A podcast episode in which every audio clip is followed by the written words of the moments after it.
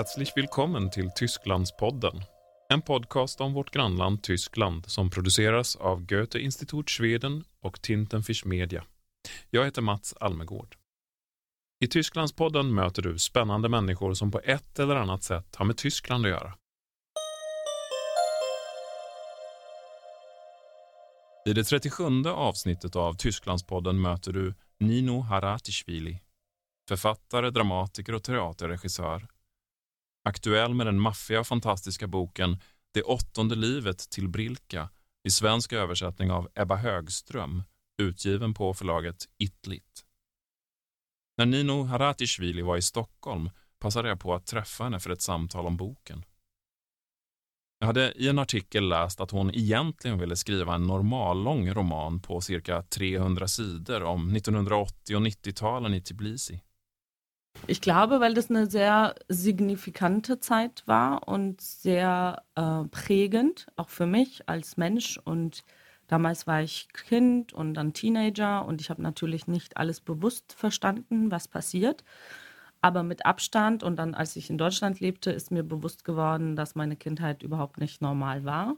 Ich fühlte mich zwar keineswegs jetzt irgendwie bedroht, weil als Kind findet man ja bestimmte Sachen dann einfach normal. Und ich habe trotzdem meine Kindheit irgendwie genossen, aber im Nachhinein gibt es so viele Dinge, wo ich denke, oh mein Gott, also es fängt mit Sachen an, wie man darf nicht ans Fenster, Silvester, weil ähm, man denkt, es ist Feuerwerk und dann wird aber geschossen oder wir müssen in die Schule abwechselnd Kerosin oder Holz mitbringen, Schüler und Lehrer, damit wir überhaupt was heizen können und lernen können, bis hin zu endlose Brutschlangen, bis hin zu alles ist dunkel, finster. Und natürlich war es auch eine Zeit voller Gewalt und Anarchie. Ich meine, die ähm, Wirtschaft ist zusammen, also kollabiert. Es gab keine Arbeit, es gab keine Perspektiven. Dann gab es Bürgerkriege, dann gab es diese ganzen politischen ähm, Dispute und teilweise mit offen in den Straßen ausgetragenen Kämpfe. Und ich glaube, dass sehr, sehr viele Dinge von damals heute noch nicht ganz begraben sind. Also vielleicht sind all diese Leichen nicht mehr sichtbar, aber ganz viele Geister sind davon noch zu spüren, auch wenn Georgien sich also wirklich tierisch verwandelt hat. Und wenn man jetzt nach Tbilisi kommt, würde man das alles überhaupt nicht merken. Im Gegenteil, sogar die jüngere Generation, ich kann es nicht mal mir vorstellen, also jetzt die heute 20-Jährige, Jährigen können sich das, glaube ich, auch gar nicht vorstellen, dass das real war. Ich kann es mir manchmal auch nicht vorstellen. Manchmal denke ich, ich habe das irgendwie mir ausgedacht. Ähm, aber es war so.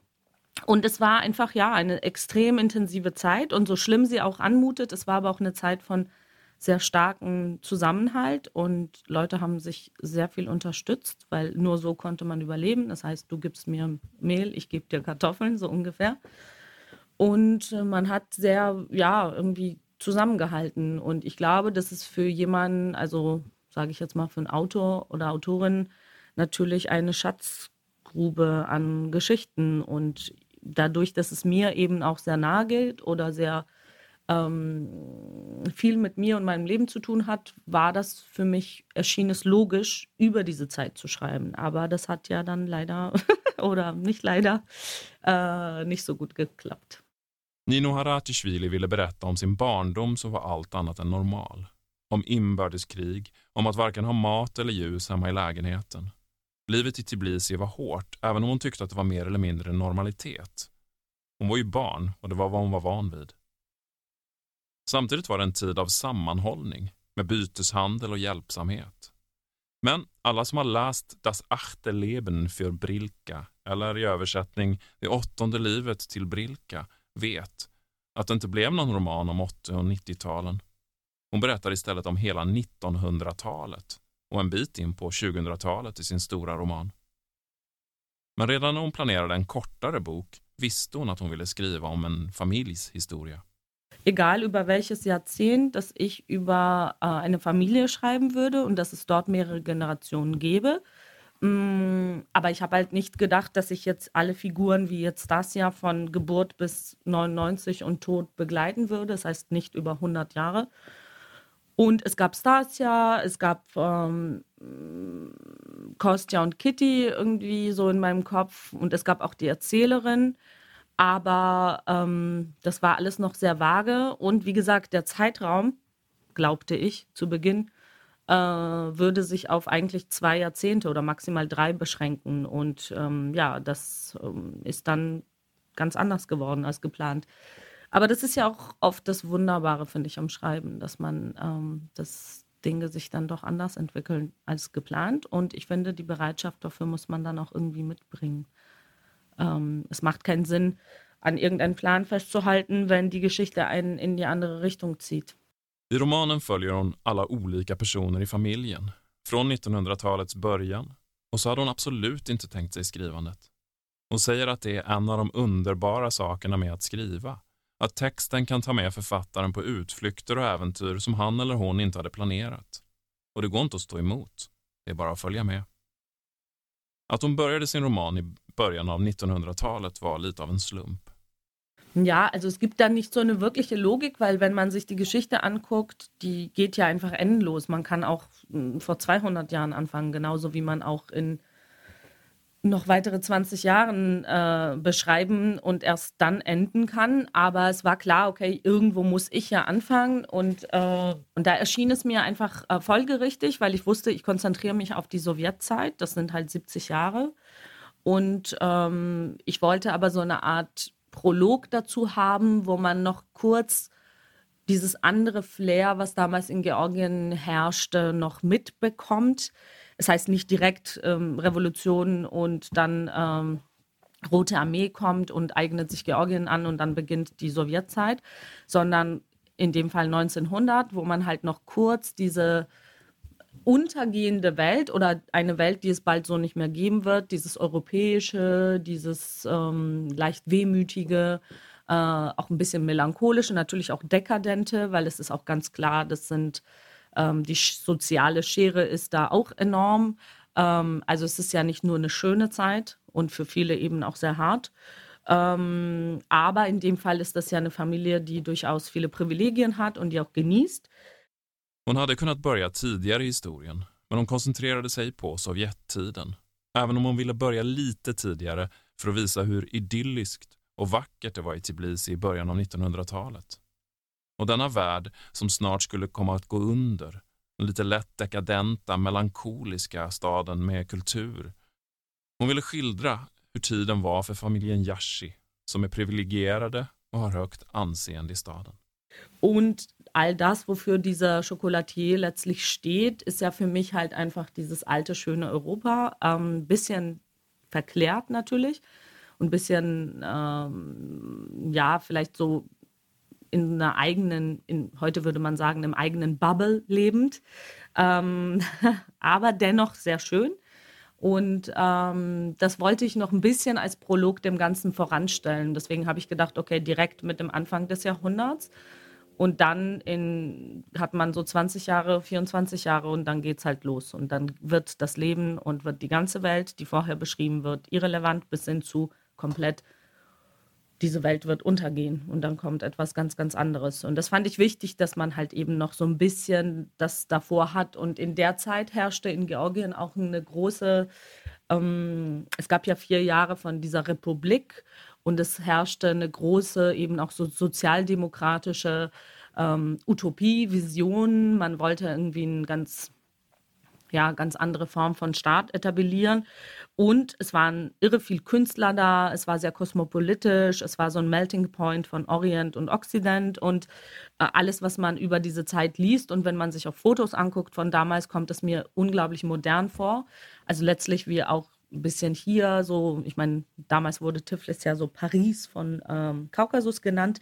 Und ich glaube, das war tatsächlich so ein bisschen dieses, ähm, diese Aufbruchsstimmung, diese, diese Möglichkeiten, letztlich auch viel Offenheit, wie ich finde. Zumindest ist das, was ich so lese über diese Zeit, ähm, fällt mir das sehr ins Auge. Und dann kommt halt eben das komplette Gegenteil davon. Hennes berättelse börjar med chokladtillverkaren, familjens överhuvud som tillverkar choklad efter ett hemligt recept. Alla vill köpa hans praliner och tårtor. På kort tid blir familjen därför både rik och får stort inflytande i staden Tbilisi. På den här tiden var det alltså en kosmopolitisk stad med konstnärer och författare. Den kallades Kaukasus Paris och livet där och då var motsatsen mot hur senare skulle bli under Sovjettiden. Wie letztlich in Europa ja auch. Ich meine, es war ja hier diese Zeit zwischen zwei Weltkriegen. Das war ja auch so einerseits sehr, ja, irgendwie waren die Menschen geschunden und desillusioniert und gleichzeitig herrschte da ja auch so eine große Aufbruchstimmung, sehr viel Hoffnung. Und dann wurde das alles eben im Keim erstickt. Hon säger att det kanske påminner om mellankrigstiden i Europa. Också dekadent och konstnärligt med politiska utopier som snart skulle krossas av våld och extrem politik. Svårast var att skriva om 1930 och 40-talen. Ich glaube schon so 30er, 30er, 40er, also einmal Zweiter Weltkrieg, weil da war es für mich wichtig, dass ich jetzt nicht, ähm, ich meine, über diese Zeit weiß man ja einerseits so irre viel und gleichzeitig sind es aber auch oft so Geschichten, die sich natürlich ähneln. Und ähm, für mich war es wichtig, da einen Weg zu finden, das Grauen von dieser Zeit eben aus einer Peripherie zu beschreiben, letztlich auch nicht von Leuten, ich meine, man hat einerseits Kostja, der natürlich da kämpft und diese ganzen Schlachtfelder mitkriegt. Und dann gibt es aber all diese Frauen, die da halt zurückbleiben, beziehungsweise dann den Kindern nachreisen, wie Stasia, und die ganz andere Schrecken oder ganz andere Art von ähm, Angst, Verlust, ähm, Schicksalsschlägen erleben. Und das war für mich eine Herausforderung, da einen guten Weg zu finden, eine Balance, dass man nicht jetzt immer nur Schlacht hier, Schlacht da, ähm, so und so viele Tote, so und so viele ähm, ja, Schützengräber und so weiter, weil ich dachte, das ist jetzt nicht, das ist so oft beschrieben, erstens. Und zweitens ist das jetzt auch nicht etwas, was ich, glaube ich, ja, wo ich irgendwie einen besonderen Zugriff oder so habe. Für mich war es eben eher wichtig, zum Beispiel zu beschreiben, was eben mit Kitty passiert, weil Andro halt zu den Faschisten rüberläuft und was für einen Preis man dafür zahlt. Und das ist nicht minder schlimm als eben Schlachtfeld oder all die Entbehrungen oder Stasias Reise eben nach Moskau. Ähm, das war das eine. Und 30er fand ich halt deswegen schrecklich, weil oder schwierig, weil es einerseits so eine Zeit ist, über die man sehr viel gehört hat. Oder ich bin halt auch mit sehr vielen Geschichten groß geworden von meinen Großeltern, wo es immer hieß, die Eltern sind verschwunden, die Großeltern sind verschwunden und ähm, ähm, und gleichzeitig aber, und man hat so eigene Vorstellungen von diesem ganzen Verrat und der Nachbar, der dich irgendwo verpetzt und dann wirst du abgeholt und dann kommen immer diese schwarz gekleideten Männer. Und das hat halt sowas fast schon so mythisches, äh, märchenhaftes. Und gleichzeitig war es mir eben wichtig, ähm, das so genau wie es geht zu recherchieren, wie diese Abläufe wirklich waren, wie das lief, wie dieser Apparat, wie dieses System funktionierte, damit ich das nicht in so eine mythisch märchenhafte mm, ja, Verkleidung letztlich irgendwie äh, tue. Und ähm, da musste ich halt immer so ein bisschen aufpassen. Also zum Beispiel diese Geschichte mit Sopio, ähm, wie funktionierte das? Und ich meine, das Allergrausamste ja an diesem System war ja letztlich auch ähm, diese Form von äh, Willkür. Also es war ja einfach so irrsinnig willkürlich. Am Ende hat es ja angefangen, sich gegen die eigenen Kinder, wenn man so will, äh, zu wenden. Und am Ende war niemand mehr geschützt. Att skriva om andra världskriget var svårt av flera anledningar. För det första för att det är en tid som det skrivits så mycket om och hon vill inte fastna i att berätta om ändlösa slag under andra världskriget. Samtidigt vill hon undvika att göra det för schematiskt. Det fick inte heller bli för likt en saga. Hon ville vara detaljerad och har lagt mycket tid på att göra research om vad som egentligen hände. Nino Haratishvili har bott i Tyskland länge, men att skriva om Georgien under 2000-talet var egentligen inte så svårt. Das war eher hilfreich, weil ich habe für mich diesen Rahmen gebraucht. Also das war auf jeden Fall eher hilfreich, das aus der gegenwärtigen Perspektive zu machen, also diese ganze Geschichte von heute aus zu erzählen, weil ich unbedingt diese Illusion vermeiden wollte, dass ich jetzt so, also okay, ich erkläre jetzt euch, wie es war, weil es ist ein, es ist Fiktion, es ist egal, wie sehr das jetzt auf Fakten basiert oder wie sehr die reale Geschichte die Erfundene dominiert. Nichtsdestotrotz sind das alles erfundene Charaktere und mir war das eben wichtig, da auch frei zu sein. Zum einen und zum anderen ist das natürlich eine Zeit und auch diese Ambivalenz, in der Nizza lebt. Sprich, diese zwei Welten ist ja etwas, das mir sehr vertraut ist und das ich kenne. Also das heißt, darauf habe ich schneller Zugriff. Es ist nicht etwas, worüber ich jetzt erstmal viel lesen oder recherchieren oder äh, nachdenken muss. Und da war es eben auch wichtig, also hilfreich für mich, mich so ganz hinter dieser Figur zu, ähm, also verstecken zu können oder mich aufzulösen, weil ich wollte es unbedingt vermeiden in diesem Buch so als, also ich wollte meine Stimme da nicht hören. Ich dachte, das ist ein Buch über diese Figuren müssen so sehr im Vordergrund stehen und alles, was man da erzählt, muss so sehr über diese Figuren laufen, dass es mir irgendwie unnatürlich erschien.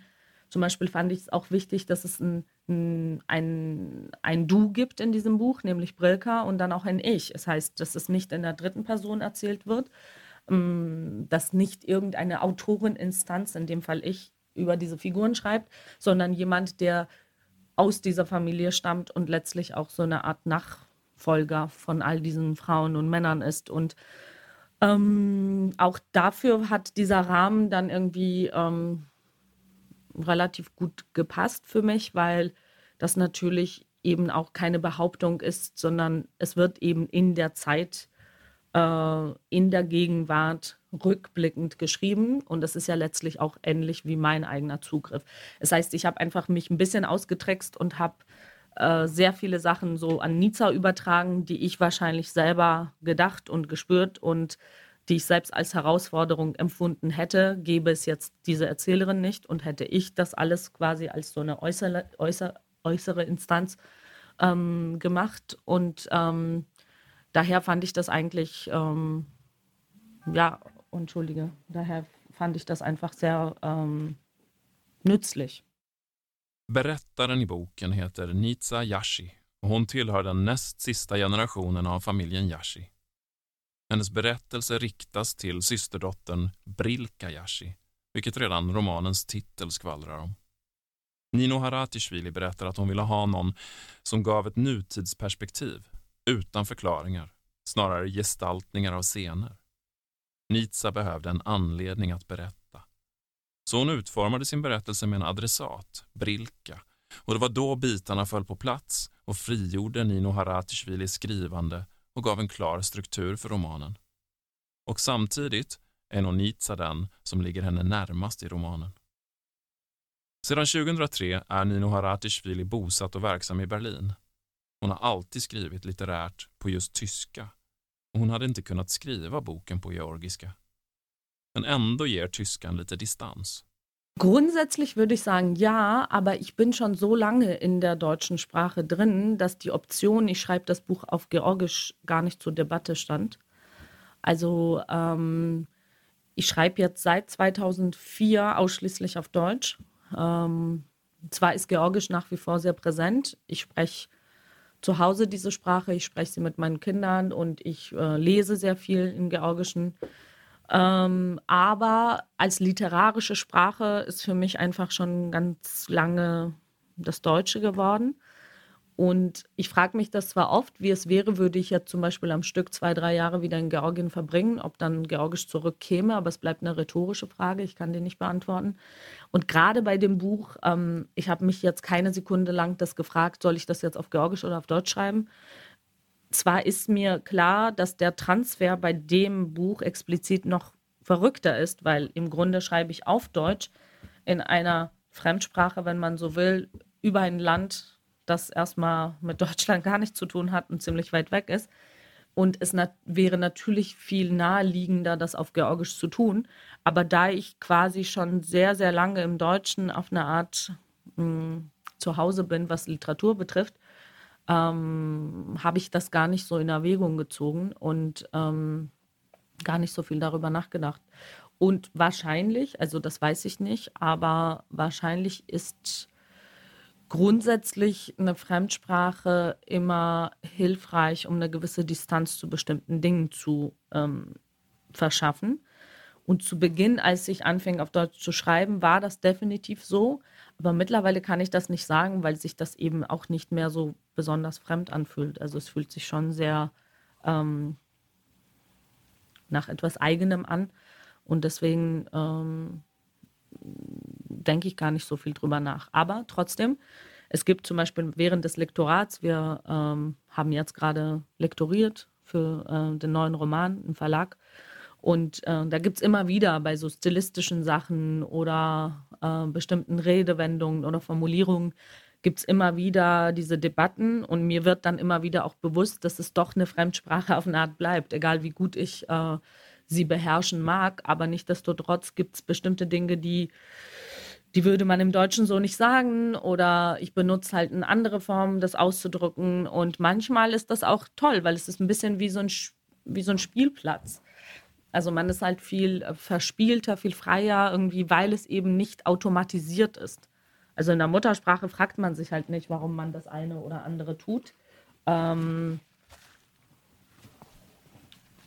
und bei einer Fremdsprache im Deutschen ist das halt so, dass ähm, ich immer wieder über so Sachen stolpere, zum Beispiel, dass ich mal denke, hm, warum ist das so? Hä, klingt komisch, kann man das nicht anders sagen?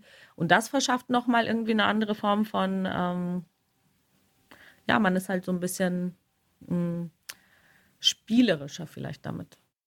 I början innebar det alltså en viss distans att skriva på tyska. Men samtidigt har hon lite annorlunda stil än andra tyska författare.